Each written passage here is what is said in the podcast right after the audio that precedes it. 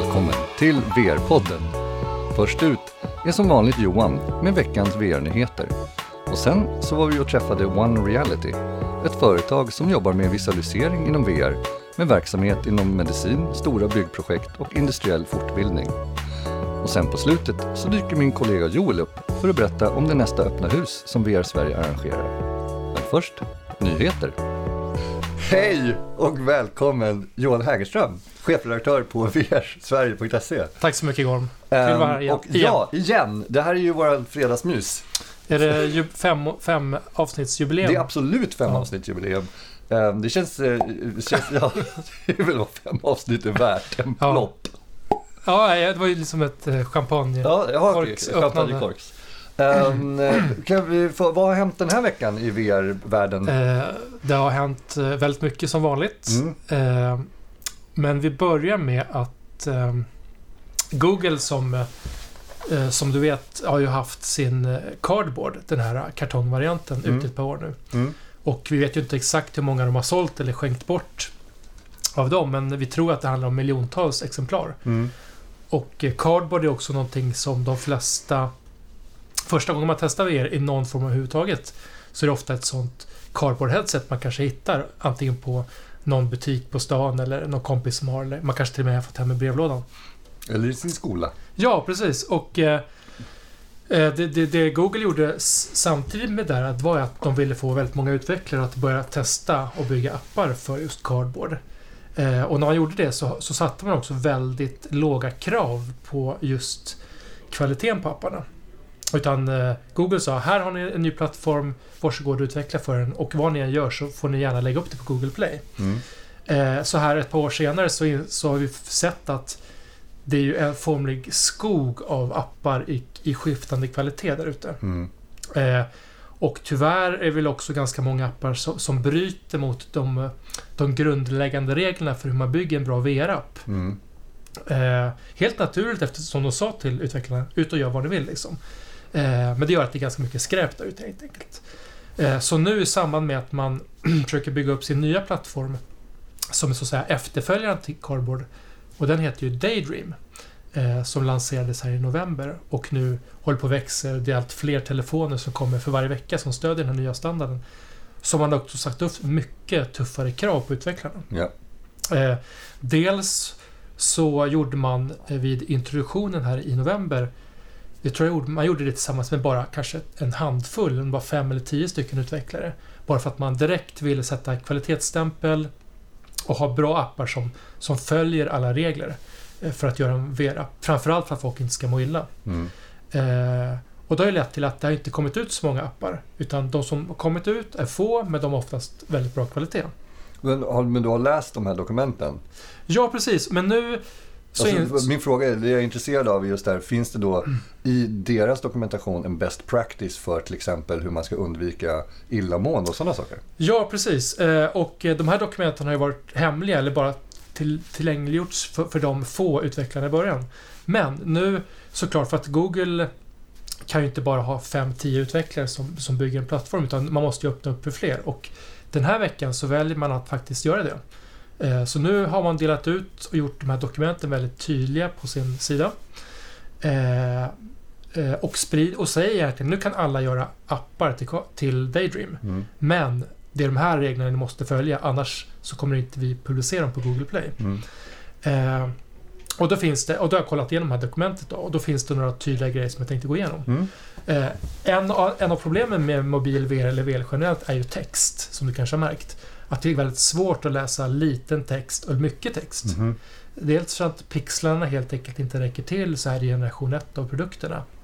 Så då finns det olika regler för hur, man, hur stor texten ska vara, vilket avstånd man vill läsa den på och hur mycket som ska vara uppe samtidigt egentligen. Så det är väldigt viktigt tycker jag. Mm. Sen har man också sagt att eh, en VR-app måste kunna köras i minst 30 minuter innan telefonen överhettas. Mhm. Eh, det är så här att ska man använda VR i telefon så använder man verkligen max av telefonen. Processorer och grafikchip går på, verkligen på högvarv. Och det gör att det alstras väldigt mycket värme i telefonen. Eh, vilket gör att såklart batteriet eh, tar slut väldigt fort.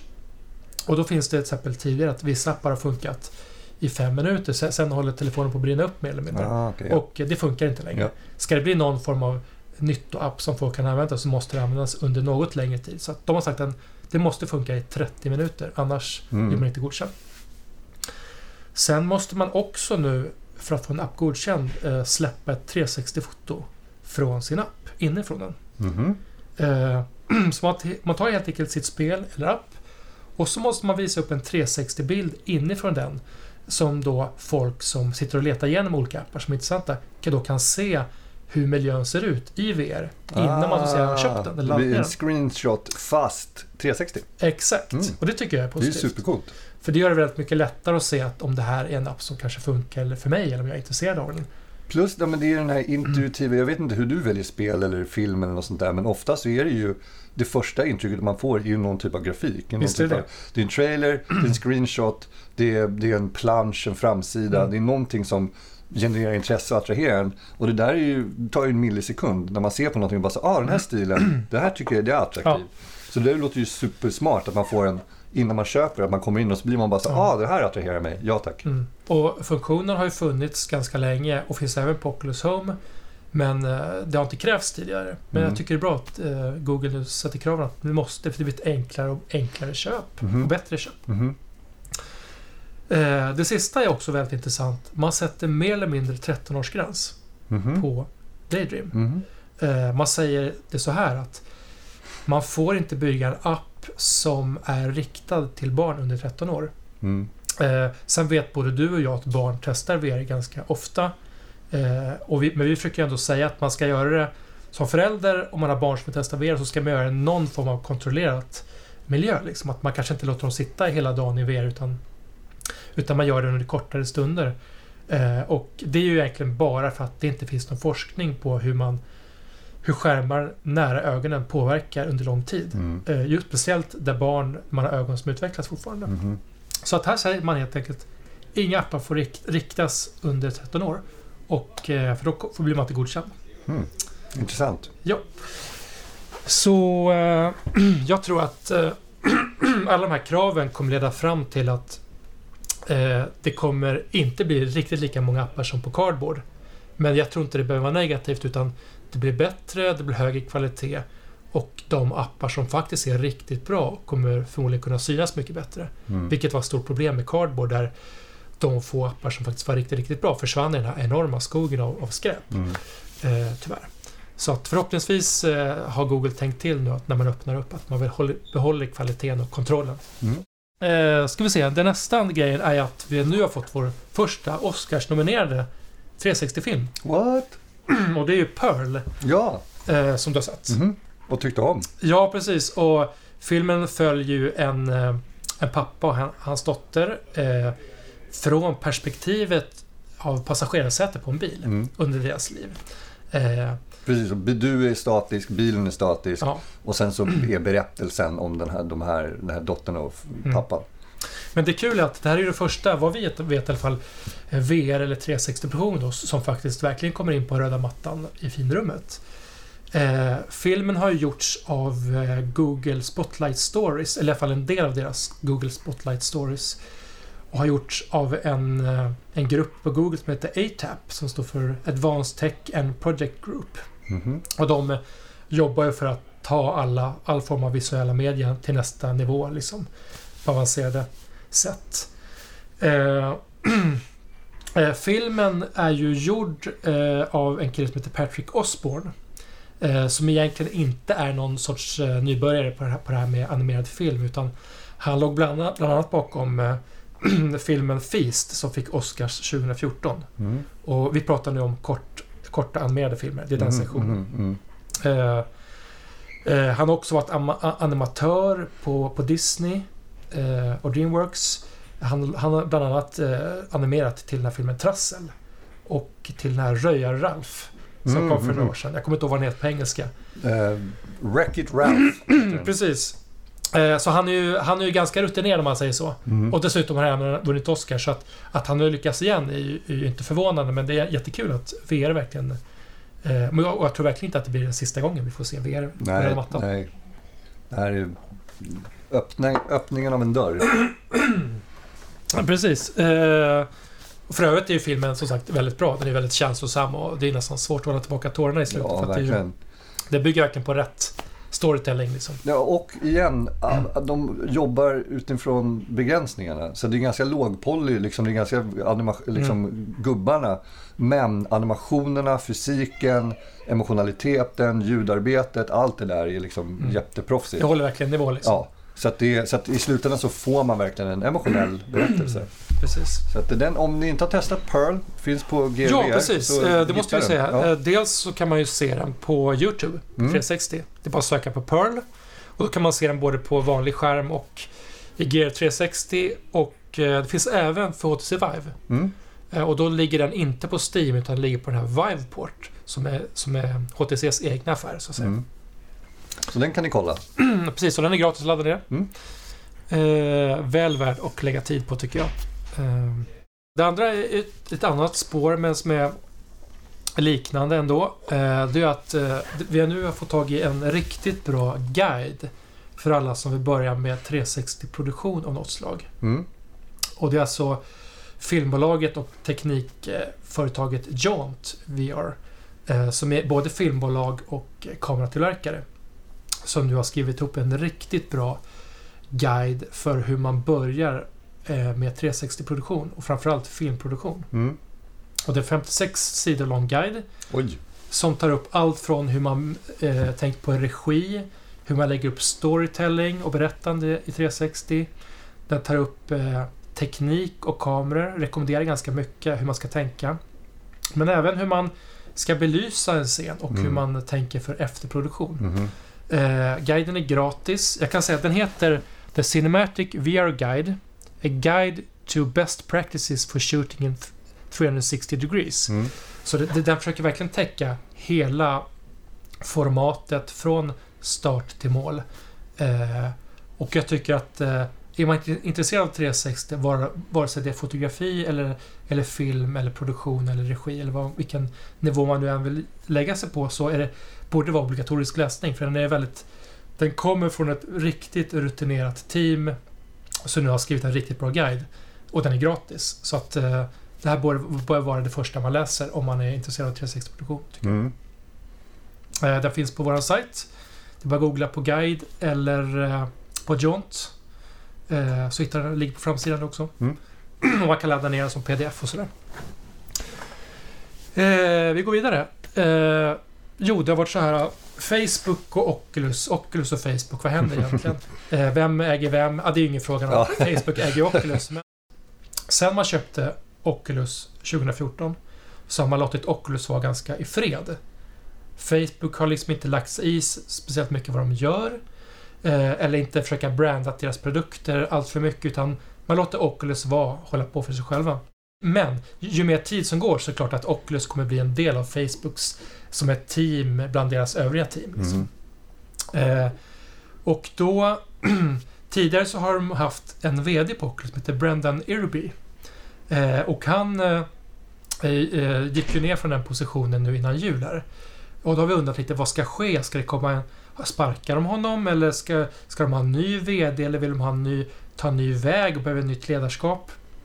Och då har under någon månad nu så har det varit lite fram och tillbaka och ingen riktigt vet. Men nu har i alla fall eh, eh Facebook och Zuckerberg bestämt att eh, den nya personen som ska leda Facebooks VR-satsningar generellt sett är Hugo Barra, heter han. Och Hugo kommer från tidigare som, han är Android-utvecklare. Han har jobbat på Google. Han var också Vice President till slut för hela Android-teamet. Mm. Eh, Så han har en klar koppling till mobil, den mobila sidan.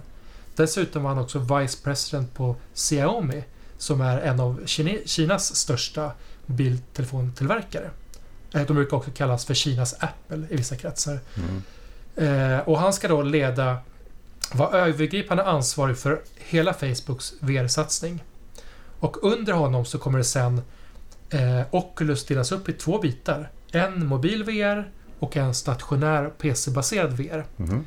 Eh, och där är då den här Brendan som jag pratade om tidigare. Han kommer då leda det PC-baserade teamet. Ja. Så han hoppar egentligen bara ner ett pinnhål och jobbar med det PC-baserade Medan då eh, Hugo Barra kommer driva helheten och säkert styra mer och mer på den mobila sektorn, tycker jag. Det är inte så överraskande eh, egentligen att Facebook väljer att ta in en så pass stark mobilfokuserad kille som Hugo Barra nu i sin, i sin VR-satsning. För att vi, vi börjar ju ana att Facebooks intresse i VR är ju att nå sina en och en halv miljard användare på Facebook. Mm. Och där 90% idag gör det via sina telefoner. Mm. Så att det är klart att mobil VR för Facebook är ju jättefokus. Mm. Sen tycker jag ändå det är viktigt att de ska fortsätta behålla den här PC-sektionen för att det är där som eh, den senaste tekniken kommer kunna drivas och testas mycket fortare och Mhm. enklare. Eh, och det är där också som Michael Arbresh eh, som är deras eh, chefsutvecklare, eh, eller jag, chefsforskare kan man säga, Mm. eh, tillsammans med John Carmack eh, försöker ju forska sig fram vart VR är på väg och vilken te- teknik vi behöver och vilka, vilka tekniska framsteg vi behöver göra de närmaste åren. Så att båda är jätteviktiga men jag förstår Facebooks satsning på att den som leder ska ha klar eh, telefonerfarenhet och framförallt Android smartphones. Mm. Eh, men det är intressant att de eh, styr upp det och det blir nog bra det där. Okej, och så går vi in på det sista. Och Det är att det här, vårt kära fiskespel Bait Ja, eh, nu har passerat en miljon användare. svenskutvecklat. Och det är nästan värt en liten Det är applåd. absolut värt en Eh, applåd. ja, och det är utvecklat av eh, våra svenska kollegor här, eh, Resolution Games, Mm. som ligger i Stockholm. Som jag ska prata med nästa vecka. Ja, Mm. mycket lämpligt. Mm. Eh, och en miljon användare, det tycker jag är jättebra. Mhm. Eh, eh, man har ju tidigare funnits på eh, Gear VR, Samsungs Gear VR. Där man nu har nått en miljon användare. Eh, och i samband med det här så passar man också på att nu släppa Bait på Daydream. Som vi, som vi pratade om Mm. tidigare. Ehm, eh, Resolution Games som leds av Tom, Tommy Palm, han är ju före detta Candy Crush Saga-utvecklare, eller hur? Han ledde ju det teamet. Ja, han var VD på King. Precis. Mm. Så han är, ju, han är ju verkligen rutinerad. Eh, och de har väl märkt att de, de produkter som har kommit ut ur Resolution Games är, håller ju verkligen eh, toppkvalitet i grafiken. Det, det märks att man verkligen har jobbat med VR i sitt labb under ganska många år och testat sig fram vad som funkar.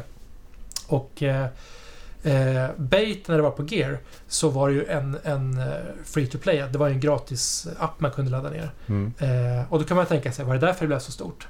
Men, men eh, när eh, Upload VR intervjuade Tommy häromdagen så säger han att det här med betalmodeller så är det någonting som man ständigt håller på att testa. Liksom. Eh, man vet ju inte riktigt vad som funkar i VR-branschen än. Så därför måste, måste man testa olika grejer. Så att nu när man släpper på Daydream så blir det faktiskt en ren betalapp Mm. som kommer kosta 8 dollar. Och så får man testa hur det blir liksom. Vet du om de har gjort någonting åt själva spelet? Har de liksom uppgraderat det eller? Vad jag vet så eh, har de inte gjort någonting speciellt. Eh, jag kan ju tänka mig att man vill använda sig av Daydreams eh, handkontroll för att kasta spett. Just det. Det skulle vara Just extremt eh, mycket trevligare Mhm. än att trycka på en knapp. Mhm. Eh, så, men det vet jag inte. Ehm, men i intervjun säger Tommy också att eh, man absolut inte vill överge det här F2P, alltså Free to Play-segmentet, utan att man helt enkelt nu testar vad som funkar på Daydream. Eh, det är väl så att eh, Free to Play-modellen funkar oftast när eh, det är ett, en mognare marknad helt enkelt, där det finns fler användare.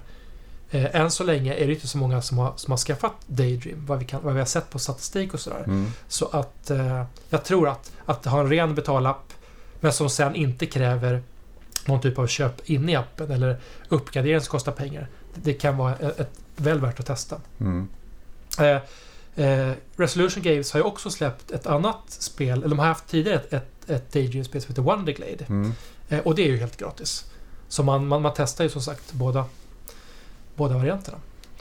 Eh, men en miljon, det är värt Ja. en champagne och de är säkert glada där på Resolution Games. Ja, för, jag ska pra- få höra nästa, nästa Ja. vecka. Det blir superlämpligt att du kör det nästa vecka med dem. Verkligen. Eh, ja, det var jag hade för idag. Tack så mycket Johan. Vi Varsågod. syns om en vecka. One Reality startades för mindre än ett år sedan av några industriveteraner inom 3D-modellering, visualisering och projektplanering. Vi fick en intervju med Niklas Sjöstedt som är deras teknikchef. Hej Niklas Sjöstedt! Hej. Välkommen till VR-podden, avsnitt nummer fem. Tack så mycket. Jättekul att du är med. Du jobbar, du är en av grundarna till, eh, eh, nu ska jag säga, One Reality. Och Eh, börja med att berätta lite om vad, vilka One Reality är och var ni är idag någonstans. Vad gör ni för någonting? Ja, ehm, vi är ett eh, företag som är ganska nygrundat i, ja, somras kan man säga. Eh, bestående av eh, flera seniorer som har jobbat inom, eh, inom VR, eh, inom eh, ska man säga, medicin, eh, 3D-medicin och så. Eh, inom eh, hållbar stadsplanering och samhällsutveckling. Mm. är väl egentligen ja, de, oss, eh, vi fem då som har grundat det, som, Mm. som består av de här olika komponenterna. Eh, och eh, vi finns i Stockholm, har vi vår huvudsakliga produktion, eh, där jag sitter. Och sen så har vi eh, ett, eh, två stycken kontor i, till i Sverige, ett i Visby och ett i Malmö. Mm. Och så har vi en, dessutom en medgrundare som bor i San Francisco. Just det. För En ganska tung spelare från Silicon Valley om jag inte förstod internet fel. Ja, han är ju väldigt eh, aktiv Mm. på sociala medier och sådär och har rätt många följare inom flera olika, olika marknader kan man säga. Men mycket fokus på stadsutveckling och liksom, hå- hållbarhetsmålen som är uppsatta worldwide och sådär. Och ja, kommunicera med hela världen egentligen. Och närheten till eh, Silicon Valley är ju liksom positivt att ha också. Framförallt Mhm. när man jobbar med VR som är hyfsat teknikintensivt. Mhm. Och eh, ni, jobbar, ni, ni jobbar med visualisering. Men jobbar ni även med, det är flera saker, för det är det som jag ser i din historia. Du har hållit på med också med visualisering. Och det kommer jag också fråga om. För att jag förstår ju ordet och jag vet vad visualisering innebär. Men jag tänker att det finns massa olika sätt att visualisera saker. Där VR är ett sätt. Ja, Eh, precis. Så liksom One Reality, vad är liksom kärnverksamheten? Kärnverksamheten och orsaken till att jag hoppade på det här eh, var att VR är i centrum, upplevelsen. VR är, handlar bara om upplevelse. Att vara totalt eh, immersiv i Mm. miljön.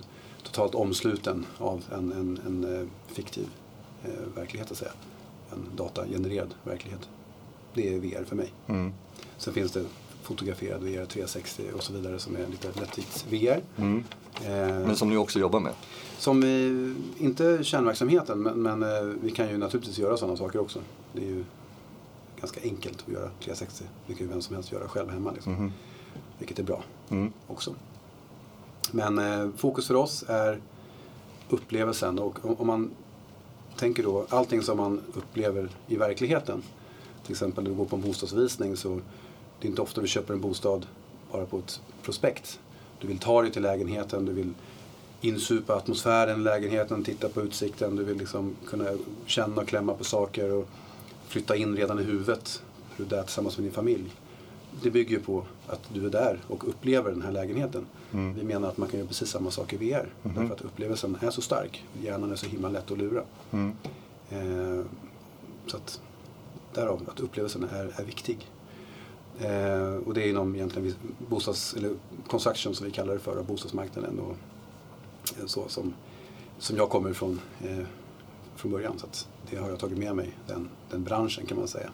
Sen har vi ju medicinspåret då. Eftersom eh, Magnus, vår ordförande, kommer från Sensavis som är ett ganska stort medicinskt företag. Eh, där eh, det finns väldigt, väldigt mycket forskning och sånt som tyder på att när man upplever saker så lär man sig saker mycket, mycket bättre. Det fastnar Mus- muskelminne och alla andra saker. Alltså det är ju Ja. tredimensionellt minne mer än att man läser en textrad som man arkiverar på något sätt. Precis, ta en, en bra föreläsare. Om, om han får dig att börja skratta eller börja gråta eller så liksom, och tilltalar det limbiska systemet i hjärnan, det vill säga vårt känslocentrum, så kommer du komma ihåg den föreläsningen mycket mer. Det är precis samma sak med VR. Du upplever saker, upplevelsen tilltalar nya saker i hjärnan som gör att det fastnar helt enkelt mycket, mycket bättre. Plus att eh, ett ord och en film och en upplevelse säger mer som en, en tusen ord. Mhm. Och vi har ju hela problemet med skolan som är dagens skola som är från 1800-talet liksom, och all den kritiken som har varit senaste året kring det. Preach. Där ser vi revolutionen kommer komma inom utbildning inom VR. Framförallt tror jag, på, på lite sikt. Är ni involverade i någonting i det? Utveckling av utbildnings... Ja, vi håller Mm. på att ta fram en, eh, en plattform där man ska kunna träna säkerhet, till exempel. Byggsäkerhet. Mm. Eh, har vi precis eh, börjat forma nu. Eh, där man eh, aktivt tar sig in och, och upplever och agerar, upp, spelar upp scenarier, tränar stress, tränar handhavande med de här kontrollerna som gör att du får virtuella händer och faktiskt kan utöva HLR, du kan klicka på knappar, du kan HLR? Eh, hjärt-lungräddning Jaha, okej. till exempel. Du kan springa bort och hämta hjärtstarten. Du, du tvingas att uppleva stressen. Och stressen kommer per auto eftersom du tror på det du ser. Mhm, mhm. Saker som du aldrig vill uppleva i verkligheten kan du öva på om och om igen. Så att om det inträffar så tror vi att man är bättre förberedd. Absolut. Eh, Och lite mer om din bakgrund. Bara som vad, vad har du för historia? Var kommer du ifrån? Ja, ja, jag är byggnadsingenjör från början. Gick alla fyra åren på fyraårig teknisk. Eh, och sen så eh, hoppade jag på 3D-CAD direkt på, Mm. på 90-talet. Precis när det hade kommit. Eh, och tyckte att 3D var häftigt redan då. Eh, sen gick jag på ett av de första eh, VR-centren som eh, fanns i Sverige. Som Prosolvia, ett företag som var pionjärer inom VR. Mälardalens VR-center Precis, det var ett av de VR-center som de startade. och eh, akademin. Så du gick två utbildningar. Jag kollade upp, för det här tycker Ja. jag är superspännande. Har du lust att berätta lite om ett, vad var det man tittade på då? Vilka tekniker fanns tillgängliga?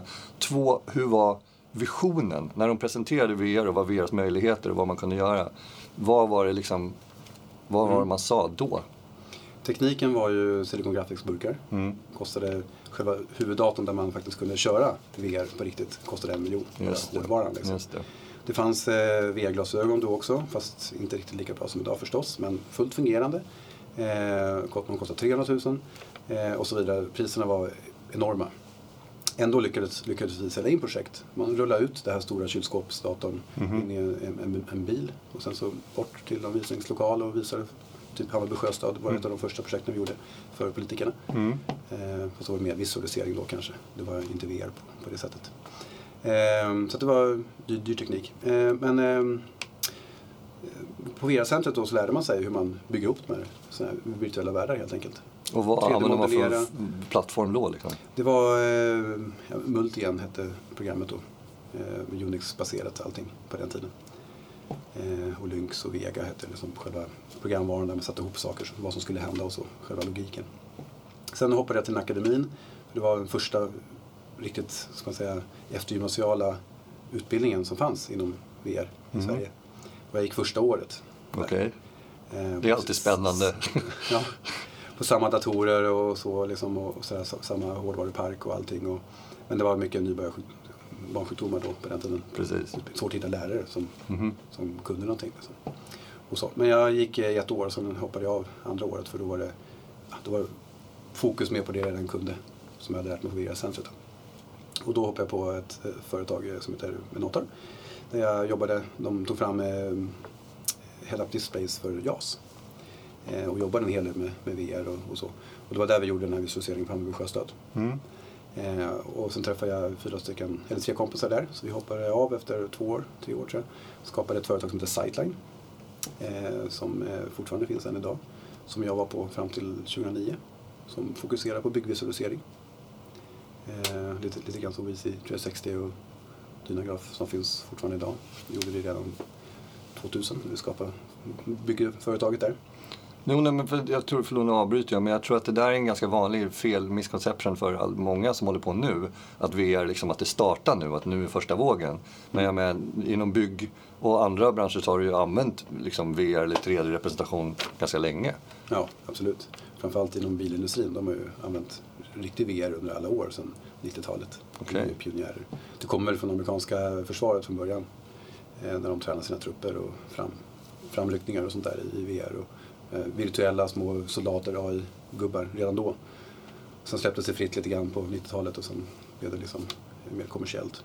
Så det är därifrån hela allting kommer. Som vanligt. Allting kom från amerikanska militären. Ja, jo, men det är de som har pengar, pengar och tid. Mm.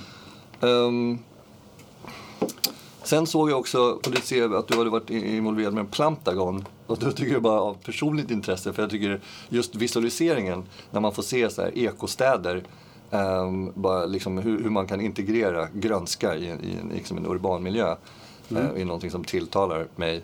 Så berätta lite om, om hur, hur var det att jobba med dem? Liksom, är det någonting som håller på att hända eller är det fortfarande liksom en Ja, det ska väl byggas i... vision mer än en plan? Ja, precis. Men det var ju med, jag har varit anställd på Sweco eh, några år.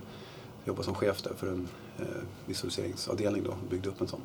Och då jobbade vi med Plantagon. Eh, Kan du bara berätta för, för folk som inte vet vad Plantagon är för någonting? Precis, Plantagon är en, eh, egentligen en, en, en svensk eh, innovation där, man, där det handlar om att odla vertikalt kan man säga, Mm. kort förklarat.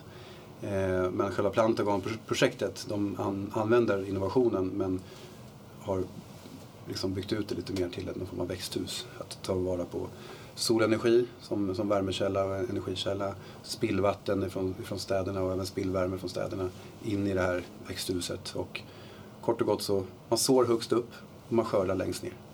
Och längst ner så kan man bygga en saluhall där man säljer de här växterna och allting som man odlar i, den här, i den här miljön. Mm. Och det är tänkt att man ska kunna göra det i urbana miljöer. Det är det som förutsättningen. Så man ska inte behöva åka ut på landet för att köpa något. Då kan man lika gärna odla på åkern. Mitt i stan det finnas. Och så att man bygger upplevelsecenter och mycket saker runt omkring. Så att det blir som ett centrum där man köper närodlade växter liksom, i en urban miljö. Och det ägs utav eh, eh, amerikanska Native Indians som, som har det här eh, Mhm. bolaget. Alltså. Eh, så det är ett väldigt intressant projekt. Och de satt grannar med oss, eh, vårt huvudkontor på Sweco, så det var lätt att gå dit. Alltså. Men eh, om det ska byggas, ja jag tror att man, Först var det ett runt växthus, sen har man anpassat formen på själva växthuset efter var det ska placeras i världen. Beroende på hur solen står helt enkelt, så man får in maximalt med solljus ner till växterna. Och så så det finns lite olika versioner på det. Men det var väl eh, tanken att det skulle byggas utav Botkyrka, Linköping. Ja, Linköping, det var den jag kommer ihåg. Det var den jag såg någon späck på för ett par år sedan. Ja. Eh, Jag har inte jobbat med det på några år så jag vet inte dagens status på det riktigt. Nej, Men det är helt klart ett intressant projekt. Ja, det var bara... Som vi pratade lite om precis tidigare, det här med att, att, att vara förberedd på vad framtiden håller. Mm. Och eh, lite de idéerna, de sakerna som kanske tilltalade när man växte upp. De, eh, liksom den litteratur, de filmerna, de bilderna, de som man tänker sig så här kommer framtiden se ut. Så tyckte jag väldigt mycket att, att eh, Plantagon-grejen kändes som en, det var någonting som jag gärna skulle se liksom, ske Mm. i, i stadsmiljö. För att det, jag vet inte, det känns lite känns som att det finns saker vi kan göra för att effektivisera. Mm. Ja, Vi har ju ett annat projekt som heter Regen som lite grann samma koncept. En ekoby. Där alla, alla byggnader består av växthus. Lite större växthus så man kan ha vanliga byggnader inuti växthusen. Så Just man kan det. bo i ett, ska man säga, subtropiskt klimat det. året runt. Och ha en ganska jämn och fin miljö. Ut, utomhusmiljö, utan, in, alltså inne i växthuset. Men i sin egen trädgård. Eh, och att man även är helt självförsörjande i hela den här byn med energi, med vatten, med värme och, och allting och el. Och att man har allting, allting sköts. Närproducerat. närproducerat. Och man har även växthus då såklart som man gör sina odlingar och sånt. Som man äter utav och, och så. Ja, det, det var en artikel som jag läste för ett par år sedan om någon familj, nu har jag glömt bort var, söderöver från Stockholm i alla fall. Som gjorde precis det där. De, de, by, de köpte ett hus och som byggde de huset, nej de byggde huset, huset är på typ 120 kvadrat med ett platt tak som fungerar som då en extra våning där de har liksom en uteplats. Och sen runt huset byggde de 300 kvadrat växthus. Mm. Eh, och sen så har de, man, man kan åka dit och träffa dem och man kan läsa på deras blogg om hur de liksom byggde upp allting. Men det där, bara första gången jag såg det där så blev jag också så här. Varför gör vi inte så här för? I det, klimatet som vi bor i. Varför gör vi inte lite mer uthärdligare året runt? För de, kunde, de hade medelhavsklimat året runt. Mm. Så att, eh, ja, det är riktigt häftigt. sign me up. jag, vill, jag vill också. Ehm, men eh, okej, men VR, om vi pratar lite, eh, vad... För, du- för du har ju sett en hel, du har ju varit med om historien, utvecklingen. Mm. Och vad, vad, vad tänker du om var vi är idag? Liksom så här, hur är branschklimatet? Om vi börjar där. Ifall du jämför lite historiskt tänker jag. Ja, ehm, till, tillgängligheten för VR har ökat markant i och med att allting har blivit mycket billigare. Idag får du en, laptop och till exempel en, en, en Vive som vi har som målplattform för 30 000 kronor liksom. Som går att köra på. Mm. Mot 1,3 miljoner för 30 år sedan, liksom, eller 25 år sedan. Eh, vilket gör det väldigt tillgängligt. Så det är inte så dyrt längre att köpa hårdvara. Det är ju check ett på det. Liksom. Eh, att, bygga, att bygga själva innehållet eh, om vi tar arkitektur som exempel, är också mycket billigare. I och med att eh, hela arkitekturbranschen och byggnadsbranschen har eh, hållit på och pysslat med BIM i ja, senaste tio åren. Vad är, vad är BIM? BIM är, eh, ska man säga, ett sätt att arbeta där man eh, jobbar med 3D. Eh, man tar bygger upp sina byggnader i 3D, man bygger upp omgivningen i 3D och man bygger med upp 3D-modellerna med hjälp av smarta komponenter kan man säga. Mm. En dörr vet om att den är en dörr. Du vet om vilken dörr det är, vilken brandklassning det är, vilken, vilket väggelement dörren sitter kant i kant med. Du kan få artikelnummer på dörren. Du, kan, du får hela inventarielistor på en hel byggnad. Det är massa metadata till alla Massa delarna. Liksom. Mm. Plus att du kan eh, göra simuleringar. Du kan göra solenergisimuleringar. Vad händer om det kommer in så här mycket solljus i byggnaden och så vidare. Hur påverkar det in i klimatet och, och energiåtgången och, och så och så vidare. Alla de här smarta, klimatsmarta sakerna kan man göra simuleringar på utifrån den här 3D-modellen. Mm. Och naturligtvis visualisering. BIM bygger ju på att, man, att, att du, du ser vad du gör. Vilket innebär att du kan, då kan du ta på dig ett par VR-glasögon och arkitekten kan testa den här nya foajén som, som han har en vision om i huvudet hur det ska kännas att komma in där. Att, som, ja, att möta för, för kunderna och för de som köper fastigheten och hur det känns att komma in i den här fantastiska foajén, att den är så luftig och fin och så vidare. Och det kan man ju testa i VR för att kvalitetssäkra att det verkligen blir så som man tänker. Mm. Det har man inte kunnat gjort förut för att det har varit för dyrt. Nu kan du nästan ta BIM-modellen rakt av och stoppa in den i ett VR-program istället. För att snabbt testa under projekteringen. Innan man går ut mot allmänheten och visar saker och sånt. Vilket blir nästa steg då att i och med att det mesta finns i 3D så är det lätt att plocka ihop allting. Det går ganska fort, det är ganska, mycket, ganska billigt. Och nå ut med information till allmänheten på ett bättre sätt. För vi, vi lever ju i en 3D-värld. Mm. Att eh, se saker på bilder i tidningen eller sånt, det blir ju en 2D-representation av, av vår verklighet. Som någon, dessutom har tolkat och gjort om till en 2D från 3D. Så att det ger helt nya förutsättningar för ehm, eh, medborgardialoger och så vidare och sånt. Och det är viktigt att nå ut med saker och där är ju tekniken ett bra hjälpmedel med AR och VR framförallt. Tror du att det är någonting som bara kommer komma? Att möjligheten för potentiella köpare att kunna liksom kolla upp i VR, möjligheten för folk som, ifall det är ett nytt område som ska byggas om, möjligheten för folk som bor i närheten att få den informationen i virtual reality. Mm, jag tror det absolut. Men kruxet är att det finns inte tillräckligt många VR-headsets ute hos konsumenterna. Ja. Än, än så länge är det väldigt mycket business to business försäljning i, vårt fall. Då. Att man bygger upp ett, eh, ja, man, man levererar turnkey systems till våra kunder. Det vill säga att du får ett färdigt paket med allting installerat på datorn, åker ut, levererar, installerar, lämnar över nyckeln till kunden så att man kan ha någonting i sin foyer eller på en visningslokal kanske för lägenheter hos mäklaren. Så kan man gå dit som kund och testa saker. Men när alla har VR-headset hemma hos sig, vilket är bara en fråga om när, Mm. eh, om du frågar mig i alla fall. Mm. Med tanke på Facebooks satsning och Playstation och att det börjar bli tillgängligt, det börjar komma in i vardagsrummen och så vidare. Eh, och priserna sjunker med tiden. Då, kommer ju, då kan vi nå ut till alla de här människorna. För än så länge är det väl kanske, kan det vara ett par miljoner användare av, av, av eh, VR-glasögon. Eh, när det blir kanske 900 miljoner, då kommer det finnas ett enormt efterfrågan på, på content, på innehåll, som inte bara är spel. Alla vill inte spela. Utan det ska vara virtuella resor, andra upplevelser. Du kanske åker, testar saker som du aldrig kommer kunna testa i verkligheten. Grottdykning i, i smala passager. Jag, jag skulle aldrig göra det i verkligheten men jag skulle kunna tänka mig att testa på det i VR. Så precis sjukaste dokumentären om några snubbar som åkte ner i sådana grottsystem. Det där är för mig helt oförklarligt. Men det är en, det är en side-note. Ja. Eller du säger att du är pensionär, du har blivit sjuk och du har hela livet drömt om att få komma till Paris. Du, du hann inte med det helt enkelt. Ja, du kan göra en eh, virtuell resa till Paris. Genom att du filmar och gör en riktigt, riktigt bra upplevelse. Filmande upplevelse är väl kanske enklast eftersom Paris finns. Eh, men att man lär sig filma på rätt sätt så att, så att det man tittar på i VR blir en, en upplevelse. Och inte bara springa runt med VR-kamera som man gör med vanlig kamera. Det är inte riktigt samma sak. Om du jämför vanlig bio med 3D-bio så ser man att 3D-bio är ju regisserat för att ge en stark 3D-upplevelse allting som händer händer oftast mitt i skärmen så att man ska kunna få den här djupkänslan och sådär. Det kräver en annan regi. VR är lika, lika så. Vilket, eh, och det har man inte ens, dit har man inte kommit än. Så att det kommer också hända mycket inom, inom filmad VR och ge starka upplevelser. Liksom. Så.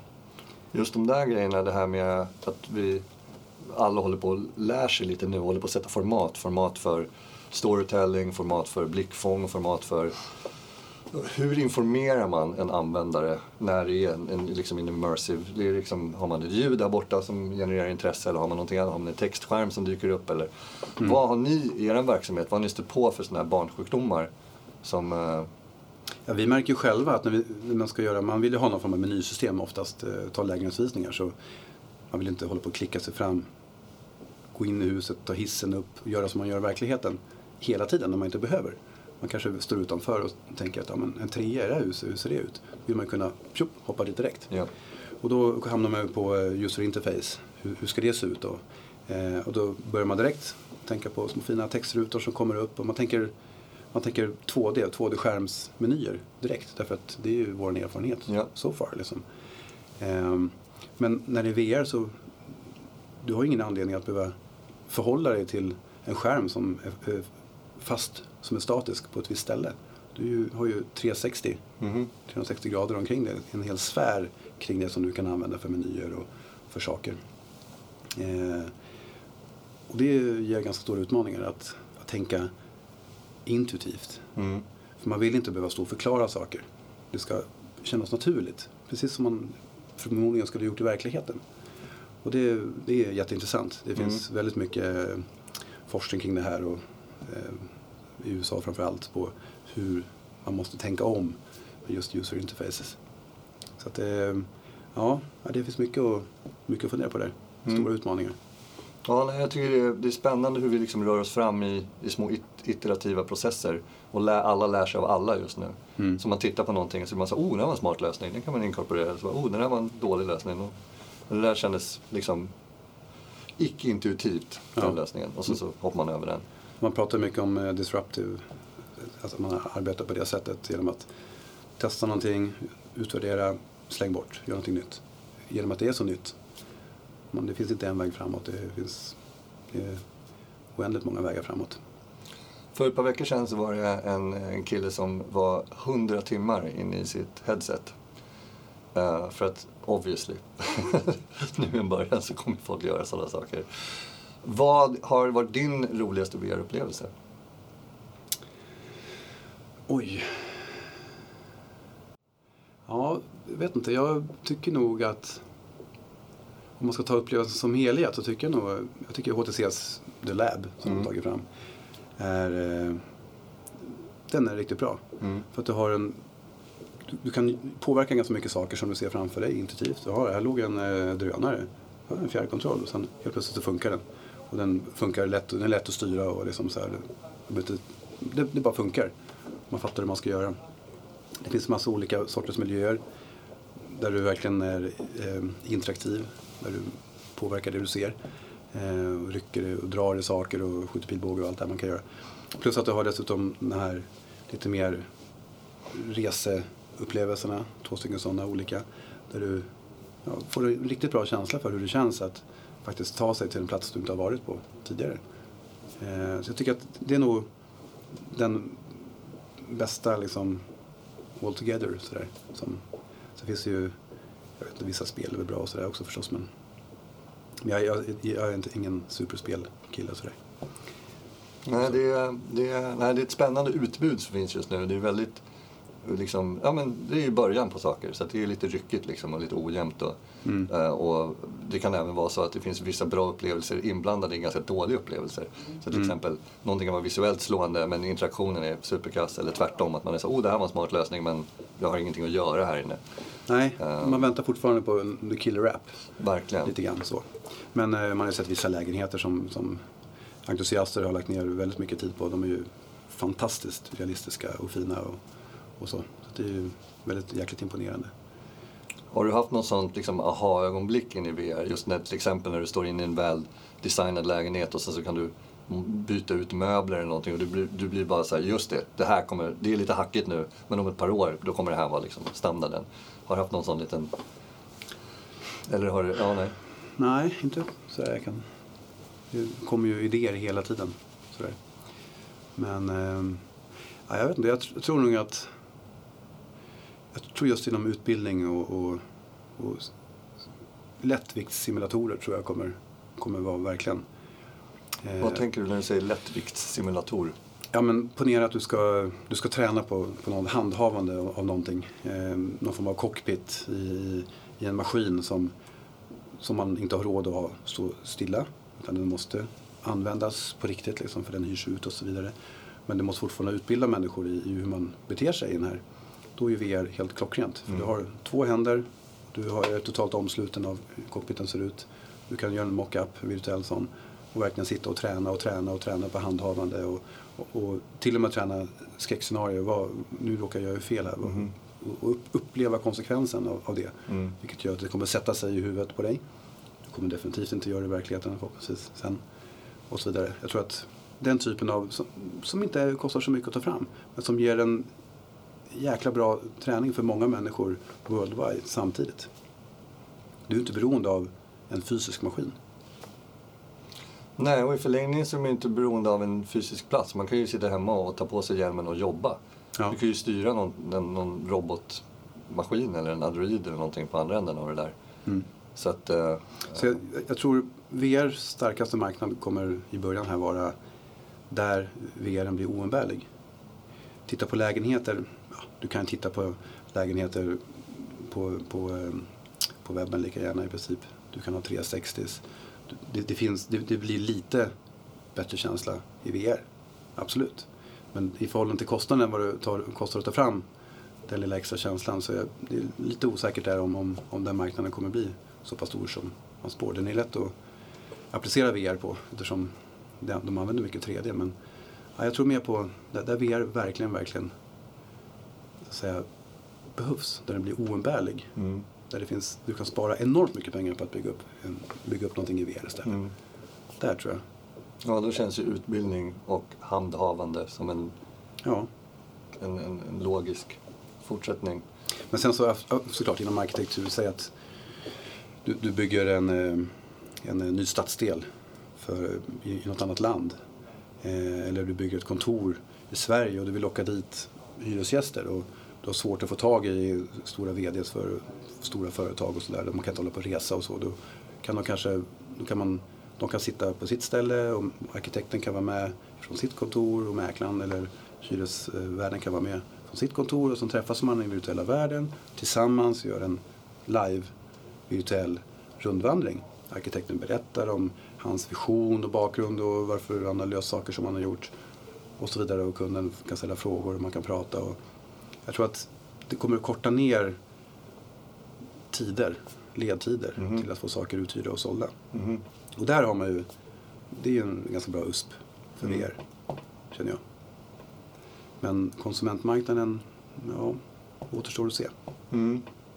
Du, vad, tror- vad tror du om eh, 2017 om du får prognostisera lite? För att 2016 om det var år ett, liksom Mm. de första kommersiella headsetsen kom. Vad tror du hände 2017? 2017 tror jag kommer bli ett fokus på eh, eh, många nya tekniker. Det kommer hända mycket tekniskt, tror jag. Ehm, Eye tracking, wireless, ja, mo- mobile. leap motion, alltså typ få in dina händer istället för handkontroller och så vidare, kunna klicka på saker. Och det kommer ske en jäkla massa saker, tror jag, eh, tekniskt. Mm. Eh, och som det gäller att hänga med och testa och sådär. Och, ja, hissa och dissa helt Mm. enkelt, tror jag. Eh, alla kommer inte finnas kvar om fem år. Så är det ju liksom. Så är det, jag läste någon artikel om att av 100 VR-startups i Kina så var det 95% som hade gått ner. Mm. Men sen så fortsatte artikeln och sa så här, det är helt okej, det är i sin ordning, det är så här det är. Ja. Utan det är liksom de första åren, alla springer, alla jobbar mot samma saker och sen så agnarna, vetet, wants to fighter. Mm. Det är verkligen så. Ja, nej, 2018. Möjligtvis så kanske då börjar man liksom hitta mer business och sådär. Och, och sen tror jag 2017 i och för sig, jag tror att det kommer, VR kommer inte ha undgått någon. Det Mm. kommer inte ha undgått något företag. Så jag tror att många företag kommer, som, som vi säger i alla fall, man, man, man, kan, man, man måste aktivt välja att jobba med VR eller välja bort VR. Jag tror inte man har råd som företag att totalt nonchalera det. Mm. Och eller inte vara medveten om det. Nej, jag tror man behöver ta ställning genom att ta reda på mer vad Mm. det är för någonting. Och vi åker ju runt och lite grann som VR Sverige också att håller workshops och berättar om de olika teknikerna och reder ut alla de här otroligt konstiga begreppen som det går in i varandra. De överlappar varandra hela tiden, alla de här begreppen. Och jättesvårt att veta. Knappt jag håller reda på allt som finns och jag jobbar med det här varenda dag. Ja. Än mindre då företagsledningsgrupper som bara knappt hört talas om det liksom och sådär och testat cardboard på sin höjd. Mm. Det finns, det finns mycket att ta reda på. Mm. Och det är först då man kan se om det här är någonting för vårt företag. I år, nästa år, fem år eller aldrig. Så jag tror det kommer nog bli mycket, det är upplysningens tid lite grann, tror jag. Jo, jag tror också på en stor medialisering. Det vill säga att det kommer dyka upp i film, tv, musikvideos. Alltså bara det här liksom headset-designen. Så att liksom man medvetandegör en mycket, mycket större publik. Mm. Så att precis till slut är det ingen som inte vet vad det är för någonting. Sen kanske man inte har testat det och man kanske inte har någon relation till det. Men då har medvetandegjorts om att det är en teknik, den finns, den används, man kan göra coola grejer. Mm. Uh, så det, det, det tror jag på. Men, men vi, vi lider ju fortfarande utav att, att allt vi har gjort är på 2D på skärmar. Fortfarande. Och det är det tänket vi tar med oss in i VR. Ja. Vilket egentligen, vilket, det kommer dröja flera år innan man blir Kan släppa det. kan släppa det helt och bli tot- totalt intuitiv och, och få helt andra upplevelser inom musik och kultur och, och konst framför allt. Det finns massor ut. Vi har inte ens Nej, har inte börjat. skrapat. Nej, inte skrapat på ytan där. Tror jag. Och det kommer bli helt, det kommer bli som en eh, LSD-tripp liksom. Jag tänker på alla kidsen idag som växer upp med en iPad. Man ser en treåring som sitter med en iPhone eller någonting.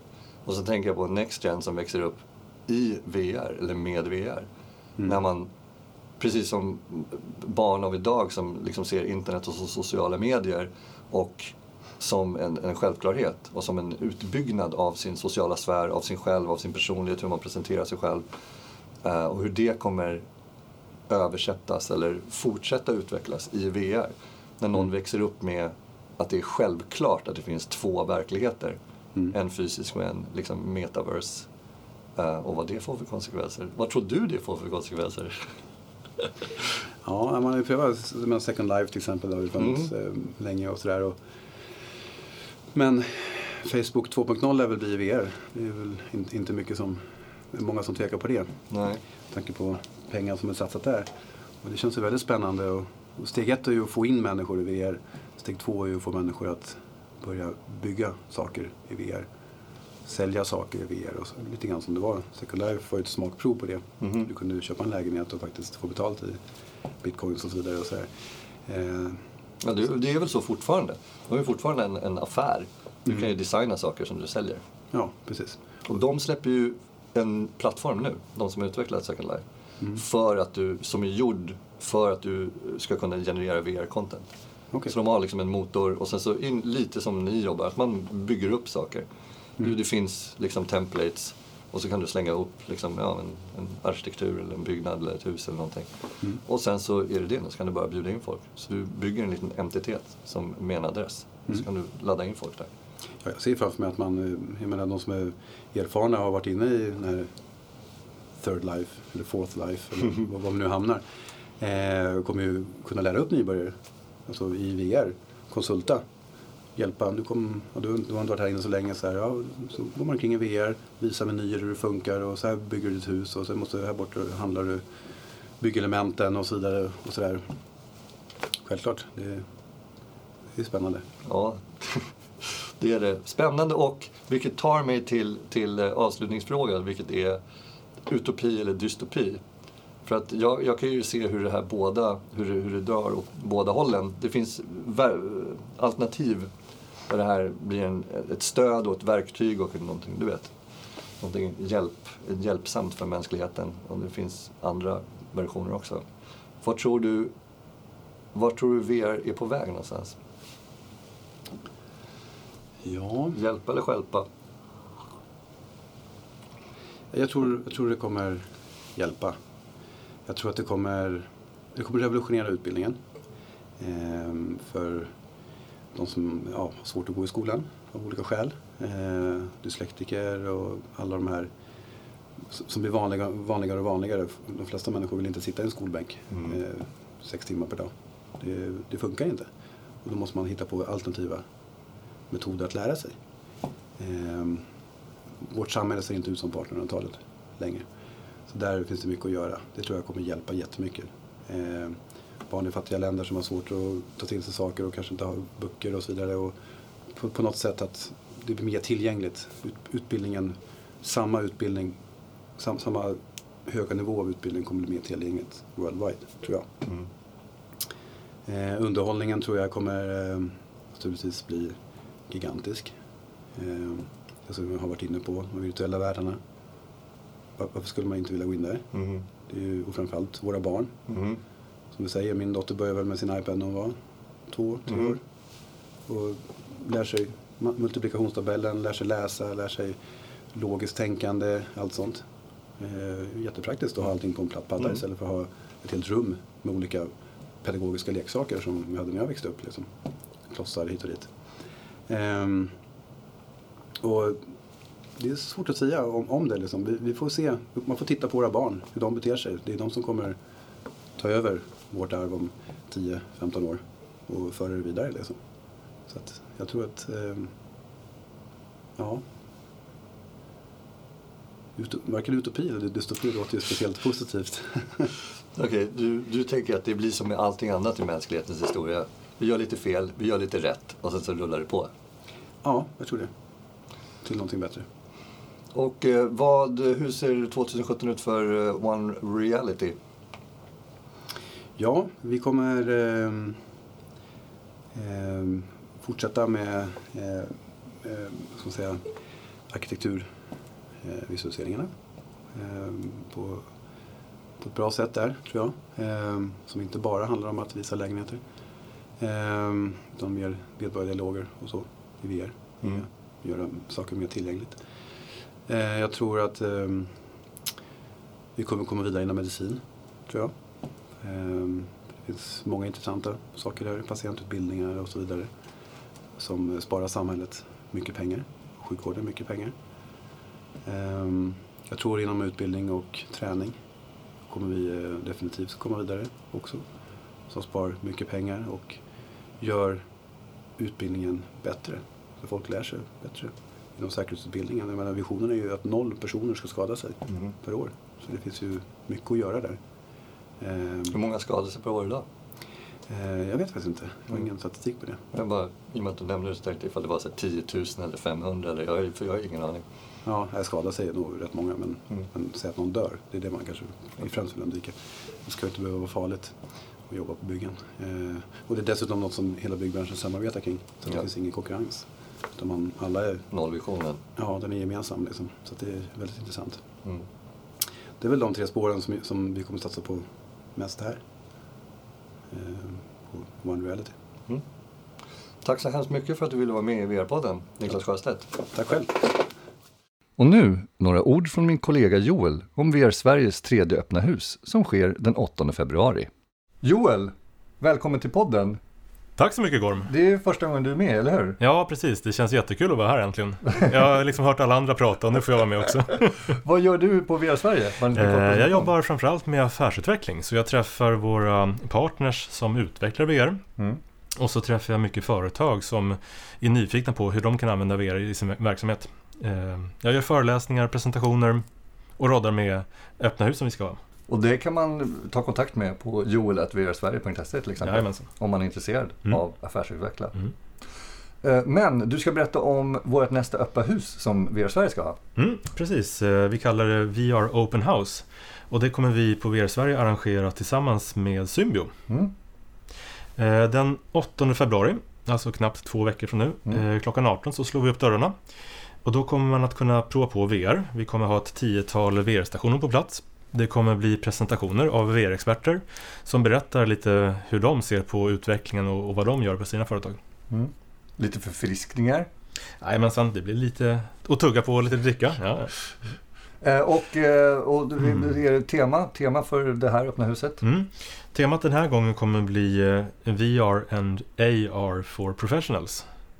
Så vi försöker att visa upp vad som finns eh, utanför spel och underhållningsindustrin. Mm. Vad görs inom arkitektur, eh, industrial training till exempel, E-learning. e-learning. Så vem är det som ska gå på öppna huset just den här gången? Som besökare?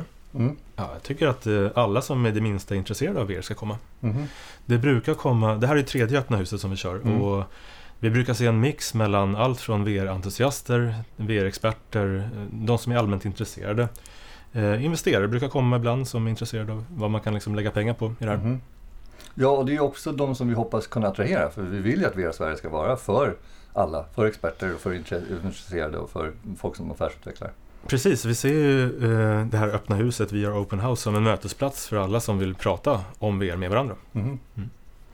Okej, så den 8 februari mellan Mhm. 18 och 22. Jajamän. Eh, Tegelbacken 4A i Stockholm. Mm. Välkomna! Ja, jättevälkomna. Tack för att du var här Joel. Tack Carl. Hej. Hej! Det var allt för detta avsnitt. Lyssna gärna nästa vecka när jag har en dubbelintervju med Tommy Palm som är grundaren av VR-studion Resolution Games och Oskar Burman på nystartade spelutvecklaren Fast Travel Games. Och så hoppas jag att vi syns på vårt nästa öppna hus. Ha en skön helg så hörs vi om en vecka igen.